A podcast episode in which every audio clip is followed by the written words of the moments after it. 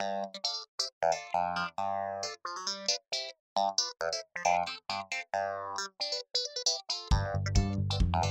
you.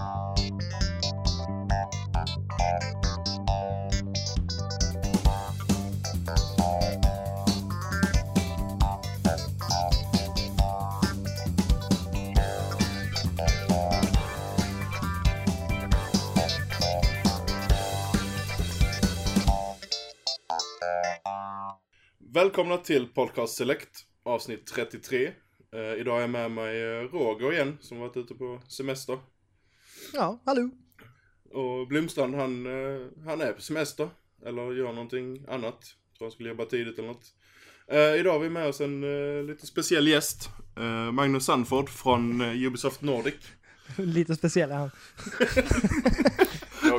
Ja, men det, det är tre stycken skåningar i ett avsnitt, så att eh, ni, som inte, ni som har problem med skånska får väl, ja, Få texter. vi får fixa en sån här textning eller eh, någon som försöker förklara i efterhand.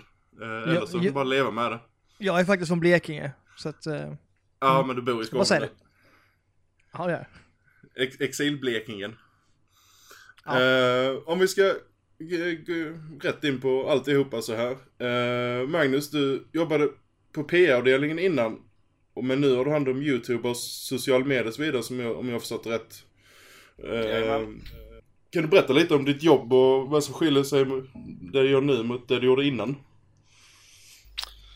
Eh, innan så hade jag, var jag ju den som hade direkt ansvar för eh, min roll var ju digitala spel och få ut dem till journalister och få ut recensionsex och eh, samla in eh, Eh, recensioner, eh, åka på eh, preview och review event. Ehm, och det skiljer väl inte jättemycket mot det jag gör idag om man ser till Youtube-delen, för det är väl lite samma sak där. Där ska jag se till så att Youtubers får testa spelen, de eh, får eh, ta med dem till preview-event. Skillnaden är väl att de sätter inte betyg i samma skala som journalister gör, utan där handlar det mer om att få ut gameplay på sina kanaler. Men där är ganska mycket likheter ändå. Men sen den andra biten, sociala medier, det är ju tämligen annorlunda. För det ansvarar jag ju för att få ut allt innehåll på alla våra kanaler, vilket inkluderar Twitter, Facebook, Instagram, eh, ja you name it. Så det, är- det är du som uppdaterar eh, sidor helt enkelt med eh, trailers och annat? Ja, inte alltid, men jag är den som är ansvarig för det. Men vi har andra som jag delegerar eller som hjälper till att göra det också. Men jag är den som har ytterst ansvaret för det. Okej, så du är nästan en liten chef där ändå? Ja, jag är ju manager. Det är du, det, det, är du som, som ansvarar för alla läckor inom eh. Precis. Det är mitt yttersta ansvarsområde. ja. Specialansvarsområde läckor. Ja, Eh, jajamän. men, eh, nej men då har vi lite bakgrund på dig. Eh, det blev väl lite snack om Ubisoft-spel idag kan jag tänka mig. Eh, vi kommer även diskutera annat. Eh, du är en frekvent besökare av spelmässorna, precis som du nämnt innan också. Eh, precis kommit tillbaka från E3. Eh, Hur var det, skiljer sig E3 från som är till exempel Gamescom och Comic Con? Ja, det gör det. Det är mycket mindre folk till att börja med. Eh, och det har ju att göra med att det är primärt avsett för eh, branschen och proffstyckare. Där finns ju biljetter för allmänheten också, men de är ju snordyra. Så att man är ganska förvånad när du kommer dit och märker att du kan liksom gå 100 meter utan att riskera att krocka med någon. Det är man inte van vid vid mässor i vanliga fall. Eh, tar man Gamescom som kanske är fem gånger större än vad E3 är och kanske eh, säkert 50 gånger mer människor också. Där kan du inte gå en meter utan att eh, liksom, du får tränga dig fram. Eh, Comic Con är väl liknande, det beror på vilken Comic Con man jämför med. Den i Sverige är ju ganska light i jämförelse med de som du har i San Diego och liknande. Mm. Eh, men de, eh, Comic Con är ju en liten mix mellan E3 och Gamescom. Har du varit på någon av de Comic Con, alltså utanför eh, Sverige så att säga? Ja, jag har aldrig varit på dem i USA för det är i regel våra amerikanska kontor som tar hand om de bitarna eftersom det är på amerikansk mark och den är mer inhemsk än vad till exempel E3 är ju internationell. Mm. Men eh, alla de här STC, eh, CC och allt vad de nu heter, eh, de är amerikanska. Har du varit på många E3 eller är- är det Nej, jag ska vara ärlig och säga att jag har undvikit E3. Jag har jobbat på Ubisoft i sex år men jag har inte åkt på E3 tidigare just för att det är så absurt lång resa och jag reser redan som det är idag tämligen mycket med att ha familj och barn och ja. Men eh, detta året blev det av och det är inte så att jag ångrar att jag åkte dit för det var eh, ju, E3 är ju speciellt. Mm. Så att det är kul att ha varit där. Däremot Gamescom har jag varit på flertal gånger. Jag, vill, jag, Det är var som- mest nyfiken så här på om det har, hur det, för det sägs ju att det har blivit mindre och mindre liksom och sådär, jag- men då, då kan inte du jämföra med hur det var innan heller. Alltså jag har ju fortfarande haft en relation till E3 eftersom jag har jobbat med E3 i, i, under alla dessa åren. Så jag vet ju att det har förändrats.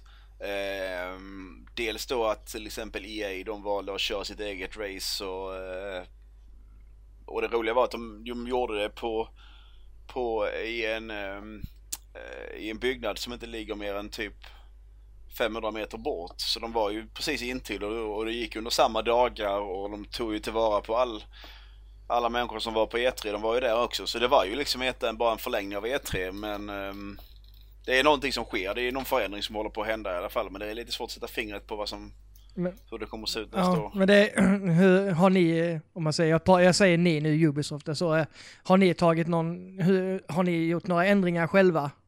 På eller Nej, ni? det har, nej, där har det varit samma sak. Det har varit fullt, fullt ös helt enkelt. Kört all in i monter och framträdande och kört samma presskonferens i stort sett samma tider. I år så blev det lite tidigare eftersom EA drog sig ur så tog vi ju deras spot där. Så det blev ju bättre för dem i Europa också eftersom det blev en timme tidigare. Men annars är det har det varit fullt ut och har varit i regel nästan alla announcements har varit på E3. Sen har det varit nu de två senaste åren så har det varit en announcement några veckor innan E3 också. I detta fall var det eh, Watch Dogs och förra året var det, det kommer jag inte ens ihåg, men det har varit någonting. Jag tror det var Fallout året. Nej inte Fallout, vad säger jag? Far Cry, sorry. Att, att uh, utannonsera, eller visa upp Watch Dogs innan E3 var nog en rätt smart grej för att då kunde ni fokusera på rena gameplayet på konferensen.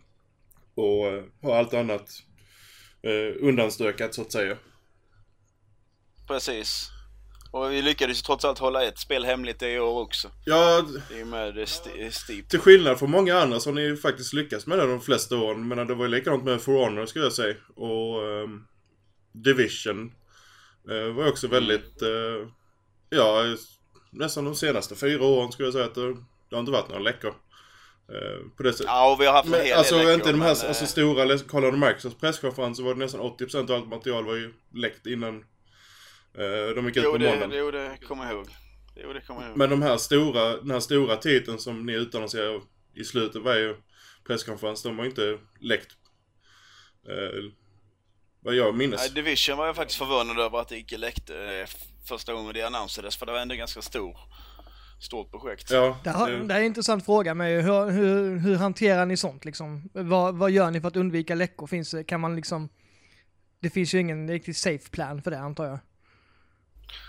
Eh, jo, det finns där ju eh, men eh, alltså det är en ganska invecklad apparat bakom kulisserna som utan att kunna gå in på några Ja. detaljer men det, den är ju ganska invecklad och där är, där är aspekter som hela tiden försöker eh, vad ska man säga, föregå att någonting ska läcka genom assets som kommer ut senare och det kan vara det är mer eh, sippade koder och det är länkar som inte är aktiva och ja det är mycket olika grejer som om man bara jämför det såg ut för sex år sedan när du typ kunde ladda ner allting två veckor innan. Mm. Vilket också ledde till att det läckte en hel del. och, Mycket näver. Ja och precis. my- mycket av det, sen, alltså de läckorna som kommer så är det oftast från eh, GameStop och andra butiker. Eh, vi såg det med Call of Duty. Vi sett det med några andra spel också. Så det är key arts och sånt som läcker ut när sånt skickas ut tidigt. Mm. Och eh, Det händer. det, det går ju inte att skydda sig 100%. Det enda du kan... Alla fall det är bara ha tre, fyra personer som känner till det. Men det funkar ju inte heller i en apparat. Eh, Problemet är ju liksom att säga att eh, ett spel ska gå och förhandsbokas i samma, samma veva som det som det annonsas på E3, då gäller det ju att tredjepart som eh, Sony och Microsoft har fått information och kunna lägga upp det och göra det live på Xbox Live och PSN. Och jag menar, jag vet ju själv hur enkelt det är när jag jobbar med sociala medier där du ska schedule någonting eller du ska sitta och vakta och du råkar sätta fel tid eller utan att anklaga någon, jag vet att det där är sjukt lätt att man trycker på fire innan det är, mm. innan det är live. Ja, var det inte lite så med Watchdogs? Eh, den kom upp på IGNs eh, banner i några sekunder innan den försvann. Eh, om jag minns helt fel. Jag kommer, men det är, jag kommer inte exakt ihåg, men det, det var den i, det sköts från USA, just den biten. Men det är ju i regel är, det är ju två, tre steg. I regel är det ju en mediebyrå som sköter annonseringen och det är de som har fått assets som i sin tur ska gå live med en, någon form av eh, eh, du har ju någon sån här bas där du laddar upp eh, banners som, som ska schedules mm. innan de går live på olika webbsidor. Sen har du ju alltid den mänskliga faktorn. Det, saker kan ju bli fel. Äh, omedvetet också. Det behöver inte vara medvetet att de läcker det heller. Nej, nej, absolut. Men det är ju som, så här kan ju inga namn nämna, men är, är, är det vanligt, alltså så vad du vet, att man råkar läcka någonting för att, för att liksom få ut någonting av det? Nu säger inte jag Ubisoft, men om det är liksom, det känns ibland som att någonting utannonseras, ups, det var inte meningen, fast det var kanske meningen ändå. Ja fast problemet med att läcka saker det kan påverka aktievärdet på, eh, på ett företag genom att man har liksom planerat att aktieägarna vet ju i regel om det och att vid det tidpunkten ska vi annonsera det här spelet. Och gör det då inte det så kan det i många fall faktiskt sänka aktiekursen så att det där med att läcka, det, det är en balansakt det där. Ja, det är intressant faktiskt tycker jag. Det är intressant att höra lite hur det liksom så. Många tror ju det när de säger att det var visst en läcka inom parentes, men i nästan 90% av fallen så är det en legitim läcka så att säga. Ja, det är lite som du säger, för det är, ibland så har man nästan fått den känslan att det är gjort medvetet för att bygga upp lite hype. Men... Eh, ja fast den hypen å andra sidan sänker aktiekursen och det är definitivt inte det dit du vill komma. Nej nej självklart inte. Sen tycker jag det skadar mer som, som gamer själv liksom så. Jag tycker det är kul med överraskningar på E3 och sådär. Eh, ja, ja absolut. Det är det som är själva grejen. Jag vill inte höra någonting innan egentligen. Utan det, ja, det förstör liksom. Ja absolut. Ja, det, det är ju lite tråkigt där när man ändå tar sig den tiden, sitter där uppe på natten och eh, med kaffe och, och allt, allt vad det är och sen vet man om allting innan. Det, det blir inte samma grej. Uh, ja, nej. Uh, men alltså vi lever i alltså, den här digitala världen som vi lever i nu. Det läcker händer. Uh, det går inte att komma ifrån. Det enda sättet du kan göra det i så fall veckan innan E3 bara stänga ner allt vad social media heter. Så mm. kanske du lyckas uh, slippa det. Men... Nej, men om vi ska gå vidare här. Nu när vi ändå är inne på Ubisoft-spåret. Ni har en rätt maffig eh, line-up av titlar på väg i år så är det ju Watch Dogs 2, South Park, Fractured But Whole och Steep. Det är två mm. stycken kända IPn. Eh, och sen då Steep nu som, vad ska man säga, det är SSX på, fast i större skala när det är Open World-spel. Och mm. eh, Watch Dogs 2 fick ju rätt, det fick ett bra mottagande i, i pressen och det fanns ju sin fanskap, men det fanns ju väldigt många som hittade problem och mycket möjligt med det. Men uh, hur upplever du hypen inför spelet nu?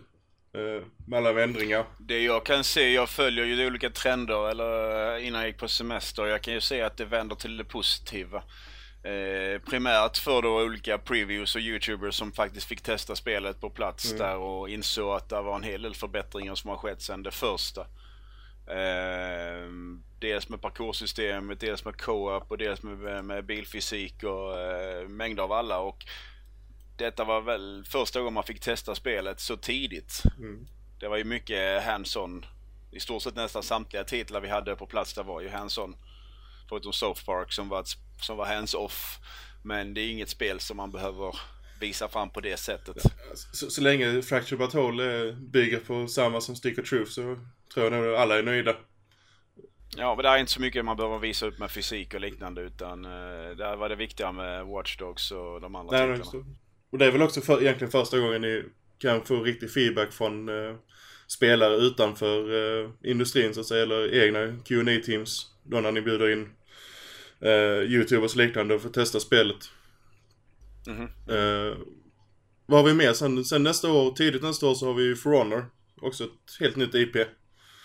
Som ja. jag tror första gången ni visade upp det så fick man känslan om att det var lite mer, eh, mer sån här eh, always on, eller bara online-spel. Eh, lite Moba-hållet, men nu med senaste gameplayet ni visade upp i år så verkar det vara både den här online-biten och en story-kampanj. Mm. Hur mycket fokus ligger på storyn, alltså, eller jämfört med online-biten, eller en split däremellan? Så att vill du inte spela online så kan du ändå få ut mycket av spelet. Ja, men exakt hur procent Nej, nej, delen självklart ser ut kan jag inte gå in på. Men där, där finns för både och och där finns co-op för den som vill ha det. Så att där, där finns liksom för samtliga. Ja, Nej, för det var, jag fick några frågor innan där folk var oroliga då att det bara var ett online-spel men de tyckte det så kul, kul ut. Men hade de då inga att spela med så blev det tråkigt. Ja, ja absolut. Nej, på Gamescom förra året så var ju fokus på multiplayern och, där, och däremot i år så har det varit fokus på single player och enspelare. Okej, okej. Så det ni, split, ni splittade mer eller mindre uppvisningar då? Precis. Eh, sen har vi det spelet som jag nog är mest eh, hypad över i eh, mars nästa år. Ghost Recon Wildlands.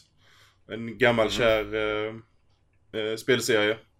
Som äntligen verkar gå tillbaka till det här eh, core mechanics som Ghost Recon har varit. Inte den här futuristiska. Eh, som jag inte gillade jättemycket. Och eh, du har själv spelat lite under E3 som jag förstod det. Och du gillar ju spelserien också. Eh, eller allt vad eh, Ghost Recon har, precis som jag gör. Och skulle du säga att detta är en, en ren reboot eller det är så pass mycket nytt så att man eh, så att den skiljer sig från den tidigare? Eh, jag skulle nog vilja säga lite både och. Just med, i och med att det är open world, vilket du inte är riktigt. Äh, men, tittar du på Ghost Recon Future Soldier som var det förra som jag personligen gillade. Men det var framförallt för co-op-biten i spelet, att man kunde spela fyra stycken och... Men det var ju ganska... Det var ju inte ren open world. Visserligen kunde du ta lite olika vägar, men i det här spelet så är du helt fri att planera och lägga upp din strategi innan. Eh, vilket ger ännu mer möjligheter både till att fejla givetvis men även till hur du ska tackla olika uppdrag och uppdragen kan få olika eh, saker och ting du gör kan påverka hur uppdraget går eller vad nästa steg blir och så vidare. Så att jag ser ju den strategiska delen i spelet som ny och färsk jämfört med de tidigare. Mm. Skulle, man skulle nästan kunna säga av det gameplayet jag sett att det är lite åt eh, den här öppenheten och i uppdragsstrukturen är lite åt eh, vad Metal Gear Solid 5 hade. Eh, när du tacklar baser och så vidare där.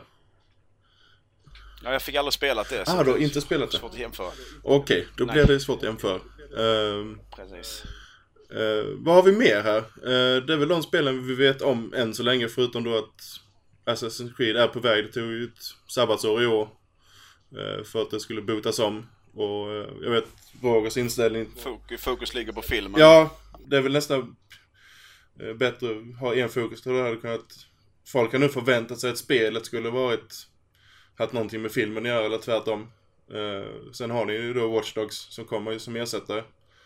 Och jag vet att det är väldigt många på nätet som har ju sagt att släppa spelserier varje år, det blir svårt att förnya det. Om man kollar då Call of Duty och liknande. Så det är väl nästan bara bra att Assassin's Creed fick det här lilla avstampet och kunna få en ny åter, eh, uppfräschning när det väl kommer sen igen. Och jag vet Roger, du har väl varit lite så här upp och ner när det gäller den spelserien. Uh, absolut, det har jag. Jag var på tåget redan från början och köpte det till PS3. Uh, eh, tvåan älskade jag. Sen så tappade jag lite grann där vid emellan. Uh, eh, tyckte inte alls om Unity. Men så kom jag tillbaka nu på ehm, det sista, vad heter det? Syndicate. Syndicate ja. Och eh, hade riktigt roligt med det faktiskt. Det, jag tycker det gick... eh, ja, det, det, det var lite enklare att ta sig fram tycker jag på ett sätt som har varit liksom jobbiga. Det har varit liksom, man har behövt få så, det har varit så mycket knappar att tänka på. Och, jag, och, lätt att trycka fel och sådär. Men jag tycker det, det har liksom det går, gått framåt nu som fan med Syndicate, vilket jag uppskattade. Plus att jag tyckte huvudkaraktären var riktigt bra. Eh, Så att, ja, jag är väl... eh, Jag, jag, jag äger ju alla spelen så det är inte så att jag... jag, jag, jag hatar mycket på dem, det gör jag. Men jag, jag äger ju alla så att någonting, någonting rätt gör de ju. Och jag tycker väl, universumet är väldigt intressant och jag tycker om det här med, med olika tidsåldrar och sådär. Jag tycker det är väldigt bra. eh, Ja, det, det, det, det, det, det är ett intressant spel överlag tycker jag. Hela serien. Eh, om, om vi ska släppa den här eh, eh, ditt för- företag där du jobbar och så vidare Magnus. Om bara prata privat så Assassin's Creed serie du också gillar. Eh, är det någonting i den spelserien du tycker att du skulle förändra eh, framöver eller du saknar något bra bitar som skulle komma tillbaka? Jag vill ha co-op igen.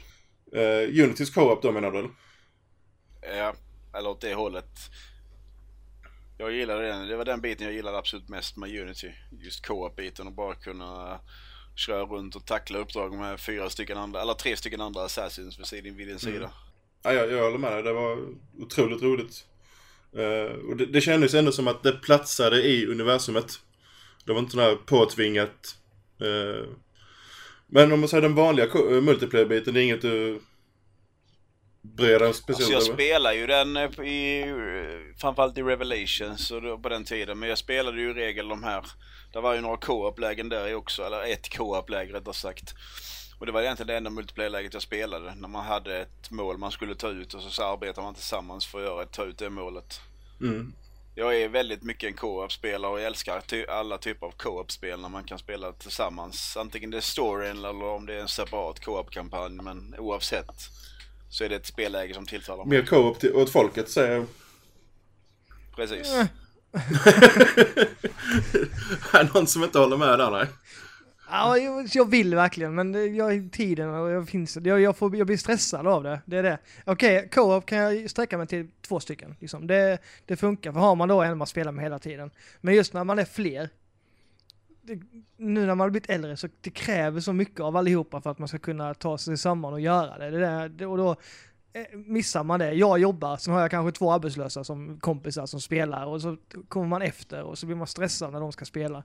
Jag, jag, jag tycker det, ja, ja, det är väl mitt eget liksom så att jag, jag, jag förstår ju grejen med det. Jag tycker verkligen att det, det, det är en bra grej. Men för mig, som, jag blir bara stressad av det tyvärr.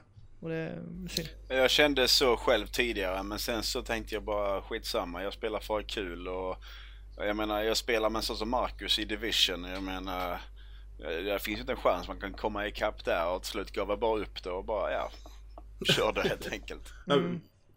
Ja, alltså jag, jag förstår, alltså det blir ju svårare med åldern när du, när du tar in eh, jobb och familj och liknande mot de som går i skolan och sånt. Eh, och det som du säger, alltså jobbar du och sen har du, spelar du med andra som, som är arbetslösa och sånt så de har ju mer tid att lägga på det. Och då blir det ju problem om, om inte spelet stöder någon form av eh, utjämning så att säga. Eh, Division gör det tyvärr inte det och det, det gör inte Destiny heller. Och det är väldigt få spel som gör det så att är du 10-11 levlar under dina kompisar då, då blir det problem. Mm. Och Det- på så sätt kan jag ja, förstå det. Det, alltså, så när det gäller multiplayer så är jag inte lika kräsen. För att jag gillar ju att köra, jag är ju en gammal CS-spelare till exempel, alltså sånt. Sådana grejer tycker jag är jättekul att spela. För där kan man bara hoppa in och köra när man vill med Mm. varandra. Men när det kommer till storybitar och sånt så är det väldigt svårt när man kommer efter tycker jag. För speciellt när det är nya spel. Som att Division, vi- alltså jag var ju typ anti-Division. Överhuvudtaget, jag gillade det, eller så, jag tänkte inte på det. Men så köpte jag den då och vi, vi började spela. Eh, men så satt ju liksom, jag skulle, jag skulle jobba och de så satt de, de var ju tio jävla före mig när jag vaknade dagen efter liksom och skulle gå till jobbet. Och då, då tappade jag direkt liksom, för då, ja, då hade jag liksom missat den här första grejen om man Mm. säger så. Eh, och, det, och speciellt i Division när man, när de, när de var i level 30 och jag skulle spela med dem, alltså jag fick ju sitta bakom ett hörn. Liksom hela den, alltså man körde, eh, det inte raidsen, men de här uppdragen liksom. För att eh, om jag reste mig upp ett skott så var jag död. Och det, ja, det tog bort liksom hela, hela min grej. Jag, jag levlade som fan, men jag kunde inte göra någonting. Jag kände mig ganska värdelös. Det blir inte samma upplevelse om man bara alltså, hänger bak där. Eh, man känner sig inte delaktig. Nej, det är det inte. Men sen, som sagt, jag har ju försökt spela online med andra också. Alltså, som man inte känner och sådär. Men det är inte samma sak riktigt, Nej. tycker jag inte. Men det, det är ju det är Nej. någonting som många co-op-spel eh, dras med. Det är den problematiken. Och det, det är svårt att lösa. Ja, ja visst är det det. Men för, när man väl får, får till det så är det ju eh, väldigt nice tycker jag. Det, det, verkligen. Det, det finns ju spel som jag har co-opat, liksom, till exempel Borderlands 2. Det körde vi ju i co-op, eller vi körde tre stycken på det. Och det var skitkul, så länge man är på samma, samma linje liksom och kör när, ja, när man ska spela sådär tycker jag. Så är det lugnt. Men annars multiplayer tycker jag är roligt. Det kan man ju spela när som helst. Så det har jag Mm. inga problem med. Angående multiplayer, där kommer ju en, en hel uppsjö med skjutare nu i höst med både Titanfall och Battlefield och Call of Duty. Någonting du är extra pepp inför i höst Magnus? Som du, här, det här kommer jag plocka upp dag ett. Av dem. Eh, Battlefield 1. Vad är det som gör det över Call of Duty till exempel? Men, Eh, Det är två aspekter. Dels att jag spelat det redan eh, och det andra är eh, temat och eran det utspelar sig under. du spelar, du, så du hann testa det under E3? Eh, Ja. hur, hur, du har ju spelat de andra Battlefield-spelen antar jag också Skiljer det sig på så pass mycket nu när det ändå går tillbaka så lång tid ändå som första världskriget där det inte var lika tekniskt avancerade vapen? Ja, alltså du har ju fortfarande en gammal, du har ju liksom en klassisk Battlefield-känsla i spelet likväl och Eh, du springer runt och skjuter i stort sett på samma sätt även om eh, vapnen ser annorlunda ut så upplevde jag inte det som att det var någon jättefysikförändring i vapnen. Eh, vilket det kanske borde vara med tanke på att det är så pass gamla vapen man använder men eh, jag tyckte ändå de hade fångat känslan och miljön kändes sådär smutsig och skitig och eh, vallgrava vallgravar och det var klumpiga stridsvagnar och gas och sådana här grejer. Så att känslan fanns där så jag tror nog fortsätter de på det hållet så tror jag nog spelet kommer att ha eh, vara helt rätt för min del med den här historiska aspekten. Det är svårt att rucka på det gameplayet med, för det, de har ju ganska bra, de skiljer sig ganska mycket från just Call of Duty. Mm. Och jag tror, inte det, jag tror inte det är värt att rucka så mycket på den core-grejen. Utan det är Nej. nog mer fokusera runt, runt core-grejen istället. Det gör de nog rätt i. Jag tror, jag tror de hade, om de hade gjort för stora förändringar så tror jag de hade riskerat att tappa de som är hardcore Battlefield-fans. Mm. Ja, det är inte värt det. Nej. Och sen är, det- sen är det som säger också, man, man får, det är ju ändå en balansgång. Det är, I slutändan så är det ju ändå ett spel och inte en krigssimulator. Så det får ju ändå vara, Ja, ja, man får ju ändå rucka lite på eh, eh, hur pass verklighetstroget det ändå är mot hur det, vapnen fungerar.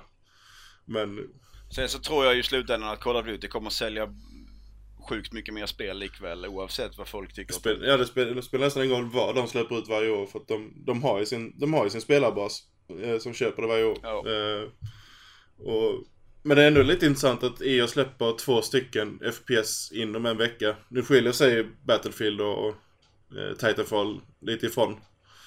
Men, eh, Ja, ganska mycket. men det, det är ändå FPS i grunden båda två. Eh, Mm. eh, Titanfall är ingenting du sneglar på. Jo då, absolut. Jag älskade det första Titanfall för jag har varit lite sådär anti FPS en- ett tag för jag har inte hittat något riktigt. Men jag gillade Titanfall för det tillförde någonting nytt. Uh, I och med dina eh, hopp och springa på väggar och samt då att du kunde köra med stora eh, mex som du kunde använda olika strategier med och det fanns olika modeller och så att jag, jag gillade det. Uh, sen hade jag kanske inte världens tid till att spela det men jag, jag gillade det mer än många andra FPS som kom under samma tid. Uh, men det var väl minst primärt för att jag saknade ett andra världskriget eller första världskrigets FPS. Det fanns liksom inget riktigt att snegla på. Jag har fortfarande Call of Duty 2 som ett av mina absoluta favoriter. Ja, vi har väl egentligen inte haft något sen... Ja, det är väl Vietnam-modden till Bad Company 2 skulle jag säga. Och sen då... Ja, Call of Duty 5, men det var också ett tag sedan. Ja, det, det är några år sedan. Eh, lite, lite konstigt att man inte har gått tillbaka till det tidigare utan de senaste åren har varit det här moderna. Men det var samma sak då, för då spottades det ut andra Det är sig världskrigets spel, Sen bytte de till modern tid och sen har de börjat gå in lite i framtiden nu och nu får vi se vad som händer om, för att Call of Duty gick ytterligare ett steg framåt i framtiden medan då EA, eller DICE, valde att gå helt tillbaka till eh, 1915. Mm. Men det, Jag eh, håller ju, ursäkta, förlåt. Jag ville bara säga någonting om Titanfall också. Nej men självklart. Jag håller ju Titanfall som ett av de, eller nog det roligaste eh, FPSet nu till de eh, här konsolerna nya. Just för att det passar mig som inte har just den tiden kanske att lägga på att bli superbra. För det, här gav det mer att, liksom att man, det fanns bottar och det kändes ju som, som, en, som ett lite storskaligt krig på ett annat sätt. För att man kunde skjuta, man kunde alltid döda någonting. Även fast det inte var spelare så kändes det som om att man gjorde någon nytta för man sköt någonting. Uh, och vilket gjorde att uh, det blev liksom, ja, det, det kändes som att man, man, man kände sig nog bet bättre än vad man var egentligen.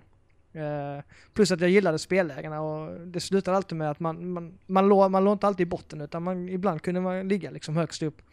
Beroende på vilka mhm. spellägen man spelade och sådär. Jag gillar ju det här man ska hålla zoner. Jag tycker det, det funkar bra i detta spelet.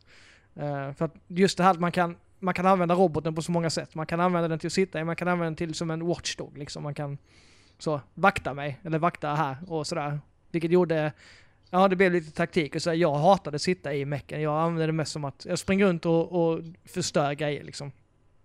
Så det blev liksom, det var ett snabbt spel och jag tyckte Xbox One-kontrollen var så jävla, det var liksom, det var, det var som den var gjord för det spelet. För den satt som limmad i, i händerna. Uh, vilket gjorde att, ja, det, det, det kändes liksom som, ja, det, det, var, det gjorde upplevelsen ännu bättre tycker jag, den, just den kontrollen till det spelet. Ehm, så att jag är superpepp. Uh, tvåan är nog det jag ser fram emot mest i år, förutom Forza Horizon 3. Mm. Tror jag. Mm. Sen, sen lyckas du ändå balansera det här med mexen och vanliga, alltså fotfolk när du inte satt i din meck. Jag tror jag var lite orolig innan spelet kom då att eh, mexen skulle bli alldeles för overpowered och ta över spelen men de är ju inte utan du kan ju ta ner en meck väldigt enkelt utan några massiva raketer eller annat. Utan det var ju bara att hoppa på bakom mecken och så var den mecken borta. Ja, jag tyckte ibland var det en nackdel att ha, sitta i mecken faktiskt. Vilket gjorde att jag som sagt drog mig ur ganska mycket ibland. Så det beror på vilket spelläge som sagt men det, jag gillade det också. Det, jag trodde också det skulle vara så först att, ah, alltså sitter man i meck så är man typ oförstörbar. Man kommer bara döda allting. Men just att man är så smidig, man kan springa på väggar, man kan dubbelhoppa och sådär, vilket gjorde att man, man kunde ta sig runt mecken på ett bra sätt, vilket gjorde att det blev som en, det blev en cool strid av hela grejen tycker jag. Mm. Det gjorde de jävligt bra. Ja, ja jag, jag, jag håller med dig. Jag håller Titanfall som ett av de bästa FPS de senaste åren. Uh, just... Och sen har du ju Call of Duty-referens också och det, är ju, det vet man ju varför också. Det, det... det kom, de kommer nog ge uh, varandra en del uh, notches fram och tillbaka skulle jag tro. Uh, både... Ja, det är, inget, det är inget fel i det. Nej, nej, självklart inte. Det är jättebra tycker jag. De det, är, det är en solid grund också. Och det är alltid gött att den, att den utvecklas framåt. Nu är det ju här med enterhaken, det nya. Den ser också jävligt ball ut. Mm. Och det, det, är ändå från en studio som vet vad de pysslar med när det gäller FPS-spel. Så att... Ja, absolut. Uh, uh, vad har vi mer? Vad är det mer för spel som är på väg? Är det några andra du ser som uh, jag måste ha när de kommer? Uh, och det du, du kanske såg lite mer på e gameplay på E3 när du var där, du har inte tid att springa och kolla på mycket annat? Jo, men jag har redan en backlog som, som heter duga och har x antal spel jag inte ens har testat än. Och ett av mina absoluta favoritspel när det gäller strategispel har jag bara precis skrapat ytan på. Um, Total War. Um, så att jag försöker fokusera på de spel jag har just nu. Ja, du, du, ja. Vad sa du Roger? Ja, det är svårt när man, om man har strategispel som typ som Civilization kommer nu också. Alltså det kräver ju att man, man lägger ner tid på det. Och alltså sådana spel. Total War också. Ja, Har vi något datum på nya Civilization? Ja. Uh, nej, det tror jag inte. För det får inte komma alldeles för nära XCOM för då kommer jag få panik. Hela min september kommer vara dedikerad till XCOM. Uh, har jag en känsla av. det kommer, kommer inte gå så. Ja. Uh, jag har det på PC men min PC gillade tydligen inte spelet. Så Ja, nej, jag har genomfört det på PC och det är svårare än de tidigare. Ja men det är bra för jag tyckte Enemy Within var lite väl för enkelt eh, stundtals. Och jag hoppas att det är en bättre utmaning. Jag tyckte det var skitsvårt. Jag vet inte, det är kanske jag som är kass. Jag har spelat det både på konsol och på min iPad. Men jag kommer fram, jag, jag, jag kommer till ett ställe, sen, sen går det inte. Jag tror jag, jag är nog för dåligt taktiskt lagd för de spelen känner jag. Jag kan säga att det nya är ännu svårare. Mm. ja, vi, vi, får, vi får se. Vi får se. Helt plötsligt, helt plötsligt försvann det långt, långt ner på Rogers lista.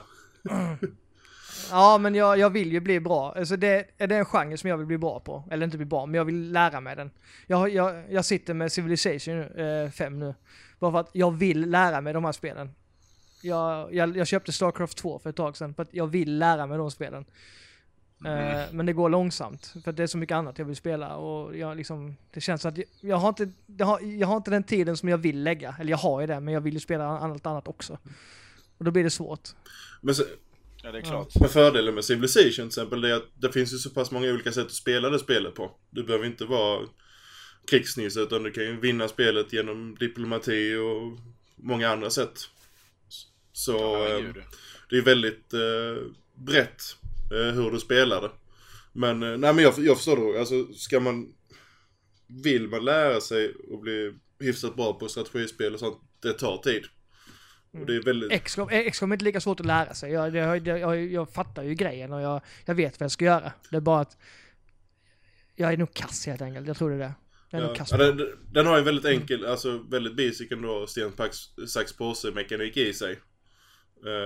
Mm. Men eh, den kan vara Och så gillar jag det att mina också. gubbar, alltså jag, jag döpte ju alla, min, min squad var ju alla mina kompisar och min flickvän och allting.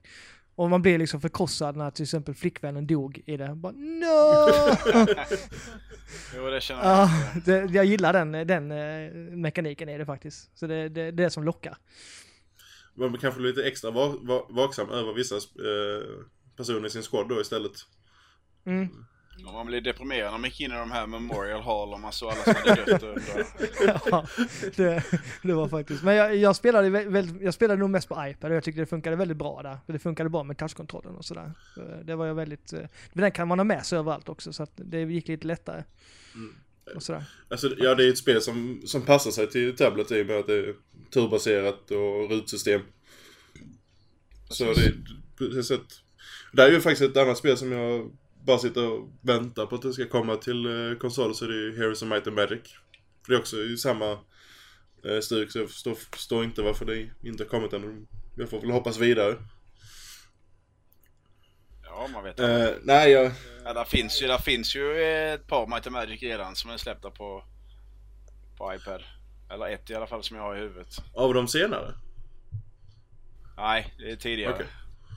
Jag ser, så fort man, varje gång man ser en utannonsering av det så ser man PC-ikonen nere i hörnet så ser man inte mycket mer. Jag tänkte nej. Jag tycker det hade faktiskt passat bra på konsol för att eh, med tanke på att det, du är ju... Kontrollschemat är ju inte några problem. Och, men det kanske, det, spelserien kanske inte är så pass stor som jag tror den är. Jag vet den har ju sin fanskara men Jo, den är tämligen stor men... Eh, det handlar om resurser också. är, precis. Mm. Eh, vad säger du Roger, den mer spel av de, av de som kommer i år som du är pepp på? Jag, jag, jag blir faktiskt eh, jävligt, eh, det, är- nu ska jag inte för att slicka röva, men det, jag- det jag gillar med Ubisoft det är att de vågar ta chanser på, på IPn som många andra företag inte gör. Utan de safear och sådär. Det jag gillar med Ubisoft är att de, de provar sig fram. De utannonserar ett skidspel mitt i sommaren. Vilket jag tycker är jävligt, ja men det, det är ju modigt liksom, det är balls. Eh, och jag tycker det ser jävligt eh, underhållande ut. Jag, skulle, jag, jag vet inte så mycket om det, men det är någonting du kan berätta mer än vad vi fick se liksom. På trailern och sådär. Ja, Det, det, det är ju framtaget i uh, NNC-studion som ligger precis nere vid Alperna. Eh, och eh, lite kul kuriosa det är ju att hon som är chef för den studion är svensk. Vad fan. Rebecca. Eh, och eh, det är ju ett spel där du kan spela co-op tillsammans med dina polare och vad, du, du kan ju åka precis var du vill och är det så att du är ute och kör och du gör ett perfekt hopp någonstans så kan du stoppa, pausa, göra en video precis av det hoppet i slow motion eller i high speed eller bara skapa en utmaning utav det hoppet och skicka till dina polare och säga att det här får ni fan fixa. Det var grymt. Men det känns som ett spel man kan slå på Eh. på en söndag liksom och bara slappa med och glida runt och Ja, trixa och sådär. Det, mm, det, det, det, det är ett sånt spel jag vill ha liksom. Speciellt nu när, när det kommer till hösten också. Jag tror det kommer, ja jag tror det kommer spelas ganska mycket hemma hos mig faktiskt. Det, Ja, det är nog samma här. Ja. Ja men det är kul. Nej men det är väl, det är jag mest pepp på för att, ja sagt, nya IPn som man liksom så här, det, det gillar jag. För att eh, det, det är något nytt och jag är alltid hungrig på sånt. Jag, jag testar det mesta när det kommer till nya IPn. Eh, Och som sagt, Ubisoft är bra på det, Och sen, tycker jag. sen är det ju en, spe, en, en, eh, en spelgenre som, som varit död väldigt länge nu sen, eller det var nog rätt många år sedan SSX kom senast. Och, så det många av de gamla eh, som gillade SSX och sånt kommer nog plocka upp det. Så, eh, Ja, jag, jag har inte spelat på SS6. Det sista, eller senast jag spelade var nog 1080 snowboard. snowboarding. Var det eh, 64? Nintendo 64. ja. Ja, och det var ju skitnice när man spelade det. det så, Men det var länge sedan det var något Extreme Sportspel. mm, Ja, Jag kan, det var det faktiskt. Jag kan inte komma på någonting eh, sen eh, SSX. Som har, sen ska det, som har varit bra heller. Men SSX-spelen var, det var riktigt bra spel. Eh, Jag vet inte om det var tidigare, men jag gillar ju skatespelen. Ja. Det, Fysik. ja, det är just fysiken är så viktig. Speciellt, alltså, både när det gäller snö och när det gäller vatten, alltså sånt. Det, det, det ska kännas bra. Det, det är det som är det viktiga. Det ska inte kännas som att man bara, som att man åker på, på is eller någonting. Det ska ju vara, det ska kännas på ett speciellt sätt. Ja. Det, så att, nej men det är jag pepp på. Och sen så såklart, eh, Forza Horizon 3, 3 då. Det är ju, ja, ge mig det nu typ. Det är, ja, det är Ja. inte så långt kvar till september ju. Så, eh, Mm, nej. Eh, Men det ser ut som att bli en fin höst i alla fall, det gillar jag. ja det håller jag med. Sen, sen vet jag att du är lika pepp på South Park som jag är. Ja, absolut. Det, det kommer inte så mycket spel där i december så det är perfekt att gå åt hela... Sitta inne i december och spela South Park och sen får du eh, Steep också däremellan. Mm, absolut. Eh, Det är jag pepp på. Ja men det låter bra. Inget annat ni vill lyfta fram eh, innan vi avrundar detta lite kortare avsnittet men eh, det är så nu under sommaren, det händer inte så jättemycket. Så vi sitter mest och väntar på augusti ska komma. När spelen börjar trilla in igen. Ja, jag tycker det mest var kul att höra liksom lite grann hur, alltså bakom kulisserna grejer och sådär. Det är kul att liksom så här prata med någon som vet och har lite koll på sådana här saker. För att man får inte chansen att riktigt så här. Nej, man, man får inte chansen att höra sånt jag tycker det är roligt. Det ger, Nej det, det var det jag tänkte. Det kanske var lite trevligt för lyssnarna också att få en liten inblick i hur eh, den typen av verksamheten fungerar. Det, Ja, det skulle vara kul att höra hur det här med eh, Eh, eh, den sista frågan, eller min sista fråga i alla fall. Hur, hur är det liksom, håller YouTube på att ta över helt? När det kommer till eh, att marknadsföra spel och sådär. För det känns, Nej, nej, det är fortfarande i uppstarten så att säga. Ehm, även om det växer ganska fort men vi ser ju även att den så kallade gammelmedia håller också på att förändra sig och anpassa sig ja, Eh, Så att säga att de kommer ta över rakt upp och ner, det tror jag inte. Inte inom en snar framtid i alla fall. nej för man ser ju, det, det, man får ju det så direkt liksom när man, när man tittar på en YouTube, alltså någon som spelar det. Än liksom just det här med att kanske läsa en recension och sådär. Det, jag vet inte riktigt hur det är. Men sen är det ju, det är många, de största som är IGN och Gamespot de, de har ju videorecensioner och de lägger upp massa andra videos och sånt. Så jag antar att det, det är väl det som lockar mest kan jag tänka mig. Ja, ja absolut. Mm, ja, det är också intressant. Ja, jag har försökt mig på det här med YouTube och det var inte min grej kan jag säga. Vad det du försökt? Jag visste du la Ja, upp, eh, la inte ni upp lite Let's Plays och sånt eh, i din Jo, andra men jag, podcast? jag försökte vara lite saklig med spelen och det funkar liksom inte. Man måste, man måste nog ha, ha viss charm och vara lite, lite, lite rolig på ett sätt som jag inte är. Så att det, nej, det var inte min grej. Men, eh, nej, det är också intressant att höra faktiskt hur det kommer, hur det utvecklas. För att, ja, man, hör- man hör ju så mycket liksom att det, eller det går rykten om att det, alltså det, gammelmedia som sagt är på väg ut och det, det, är- det är liksom YouTubers går före det mesta när det kommer till att visa upp spel och sådär. Och det kan väl det är väl så för att det blir så direkt. Det blir en direkt grej liksom. Man spelar det, man lägger ut det, folk kan se det. Och sådär.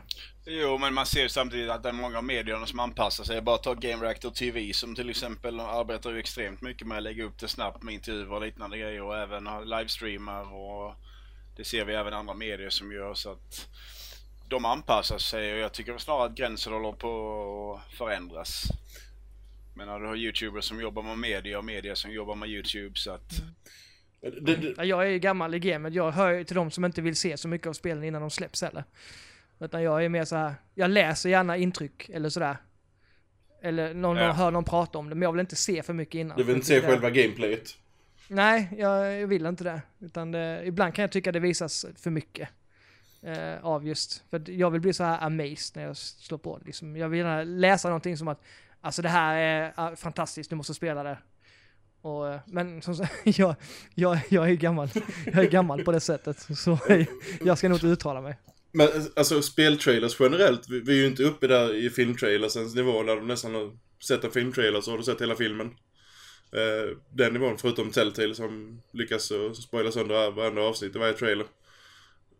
Eh, men eh, det, det, är väl, Ja, det... det- är väl mer, när det gäller riktigt gammelmedia så det är väl mer tidningarna som tar de största hittarna.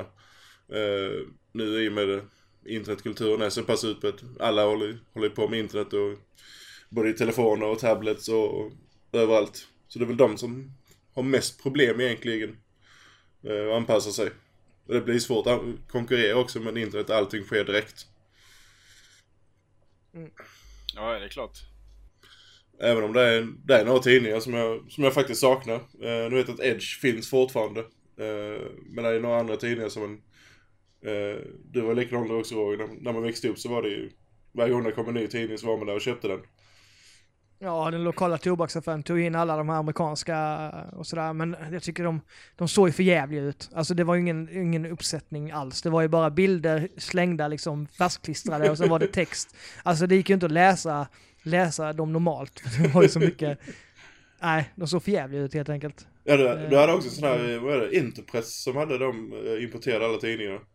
Ja, alla de här videogames och vad de, fan vad de hette allihopa. Det var också en, det var en speciell tid var det och det var svindyra och man fick ofta en demo till. Ja men, oh shit ja, de kostade ju nästan 70-80 spänn bara en tidning. Det var... Ja, det var ju dyrt när man var 15 år, studiebidraget. ja, det var... Det var Eller barnbidrag var det kanske då. ja. Skitsamma. Och, nej, det var... Nej, men det säger, den tiden saknar jag också. Eh, demos. Eh, vilket är lite lustigt samtidigt för att vi lever ändå så pass eh, digital värld på konsolerna också. Eh, där man kan köpa spelen eh, digitalt. Eh, men det är väldigt lite spel som har eh, den här klassiska demon. Eller en time trial. Och eh, jag vet inte vad ni, vad ni tycker om det men eh, förr så kunde man ju verkligen testa ett spel och sen då, då visste man om man skulle köpa det eller inte. Det blir svårare idag. För det, det är en sak att kolla en YouTube-video, det är en sak att verkligen testa det själv. Men det är mer, samtidigt mer betor idag också. Ja, Ja. som heter beta, det är väldigt många beta som heter beta som man får nästan känslan av att det är en eh, marketinggrej. Eh, jä- jämfört med Ja, fast där är mycket mer bakom kulisserna. Själv, självklart är det det.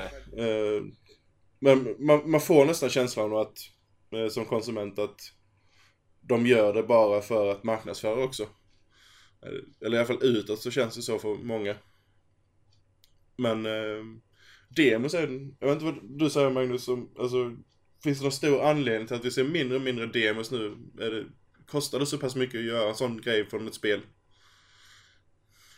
Det är ju bara ren hypotes Ja, från min självklart. sida. Men jag, eh, alltså demo, jag tror det, ett demo idag är betydligt mer tidskrävande och svårt för du ska isolera jag menar, gör du en beta, har du en beta så vet du vad du ska testa. Då kan man isolera till den biten just för att nu ska vi testa eh, hur många vi kan vara, vi ska testa servern och liknande grejer.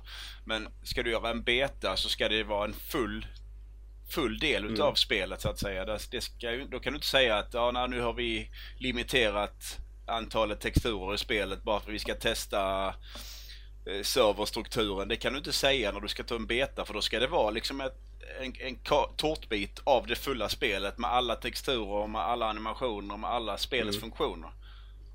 Så att det är betydligt svårare. Så jag har hört att det är väldigt, alltså en ekonomisk fråga just för att det kostar så mycket att utveckla en demo nu. Eh, just att man får göra, alltså man måste göra så mycket, det är så mycket jobb att det inte är värt det på det sättet. Ja, du får ju ta en hel grupp utav de människorna i studion som ska sitta och göra det här. För det, det demot måste ju fungera som det hade varit det fulla spelet, att säga. Mm. Det har du, den, den, den, det kravet har du inte med en beta, utan där är det helt andra grejer man kan fokusera på. Mm. Så det är förståeligt på det sättet, absolut. Sen är det väl, sen är det väl vissa, spelgenrer som, som där inte svårt att göra en, ett demo på, om man tänker på typ sportspel, eh, Fifa och NHL och dem. Att du bara ger dem tillgång till två lag och en hockeyrink, till exempel. Det är, det är lite svårt att göra ett demo på när du har stora open world-spel. När du Jo, men även, eh, jag gissar ju som sagt bara, men även där så är det svårt för det är fortfarande en tårtbit utav det fulla spelet du ska ta ut. Så du måste liksom allokera resurser dels för att göra den här tårtbiten men även för att den ska fungera med tredjepart och den ska ut och den ska lanseras. Det är, spelen är idag så pass avancerade med så många trådar som kopplas till är det Uplay och det är Origin och det är eh, PSN och det är Xbox Live så att det är ingen lätt struktur. Nej, nej, det är självklart det, det är kul. Ja, även, ja ursäkta, förlåt, prata ni. Även ett enkelt spel som man skulle kunna, om man nu kallar ja, FIFA för enkelt så är det fortfarande en avancerad struktur bakom. Mm. Ja, det var jag som saknade de här demoskivorna man köpte. Uh... Jag... Eh... jag, jag, lyssnade, jag tror det var senaste Giant Bomb jag lyssnade på häromdagen. Uh, och då pratade de just om det här med demos och sådär. Och eh, jag vet inte om ni minns Crash Team Racing till PS1? Ja. Eh, ja. Eh, det skickades ut demon på det med någon tidning. Eller vad det var. Men grejen var att det var hela spelet de skickade ut. Eh, men det var, de hade gjort om det, alltså en viss del till det demo. Men, men med en enkel knapptryckning, eller eh, knappkombination, så kunde man låsa upp hela spelet med i det här istället för demo då. Så att det var någon som hade fuckat upp sig helt, eh, fuckat upp helt och och liksom inte gjort det, alltså de hade skickat ut hela spelet helt enkelt. Fast de hade gjort om, ja de hade låst en, en del av det som är demo. Så att det var så jätteenkelt att låsa upp det. Vilket var nog en ganska rejäl tabbe. Men som tur var så var ju innan internettiden så att säga. För hade du varit på internet så hade ju alla vetat om det på två sekunder. Men då var det väl, fick man väl mer reda på det via eh, rykt, rykten på skolgården. Eh, ja, precis. Där alla rykten eh, framgick om, eh, det var hur mycket som helst man hörde att gör, tar du den klockkombinationen så kommer det och det hända. Sen sprang alla hem och testade fast det bara någon hade hittat på det. Mm. Ah, ja. Så, så är det. Där försvann Roger. Gick du iväg? Ja, jag förlåt. Jag lutade mig bakåt. Jag var tvungen, jag har så jävla träningsverk så jag måste vara tvungen att sträcka på mig. det blir inte mycket spelande för dig ikväll då alltså? Nej, jag ska fortsätta på Mad Max. Jag håller på och nöter det spelet. Du är inte klar med det än? Nej. Jag har inte ens påbörjat det. Nej, jag tycker det är, alltså det är okej. Okay. Det är jävligt upprepande. Men nej, det har en viss charm att åka runt liksom så här och uppgradera sin bil och sådär. Det är mitt semesterspel helt enkelt. Så att vi har... Ja, mitt semesterspel har jag precis startat och det är, vad heter det? Rise of the Tomb Raider. Oh, där har du ett bra spel. Mhm. Mm det... Nu har du något att bita i. Det är så jävla bra. Mm. Det... Rebooten var bra men detta är fruktansvärt mycket bättre. Och... Mm. Ja, det har du, det har du verkligen. Uh, eller som vissa, vissa säger, uh, Assassin's Tomb Raider. Det är ju... Det går att spela det på lite att uh, smyga, smyga hållet så man behöver inte springa runt och döda allting. Nej, det... Till min stora förtjusning. Grabben som inte gillar att skjuta på saker. Jag har ju alltid sagt att, äh, att äh, Tomb Raider gör, det, gör, gör lönnmördandet bättre än vad Assassin's Creed gör. Så det är min... Äh, så. För, förutom med Syndicate då. Det, det Han som inte kan hantera fönsterrutor. Ja. ja. Uh, Binda done that. jo, jag vet.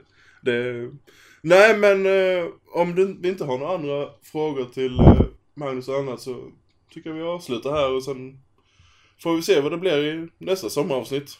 Eh, vi tar inte hand om höstens eh, preview förrän det börjar närma sig augusti. Så vi hinner väl med ett vanligt avsnitt innan dess också. Mm. Så, Låter bra. Eh, vi tackar Magnus för att han ville ta sig tid den här kvällen. Och, Mm. När han kunde, Tack så himla när han mycket. kunde Ja, tack för att jag fick vara med. suttit och spelat istället. Precis. Väldigt trevligt. Absolut. Jag hoppas det har varit informativt uh, uh, för er lyssnare. Uh, så, nej men vi, vi hörs i nästa avsnitt helt enkelt. Så får ni ha det så bra. Tja! Hej hej! Hej hej.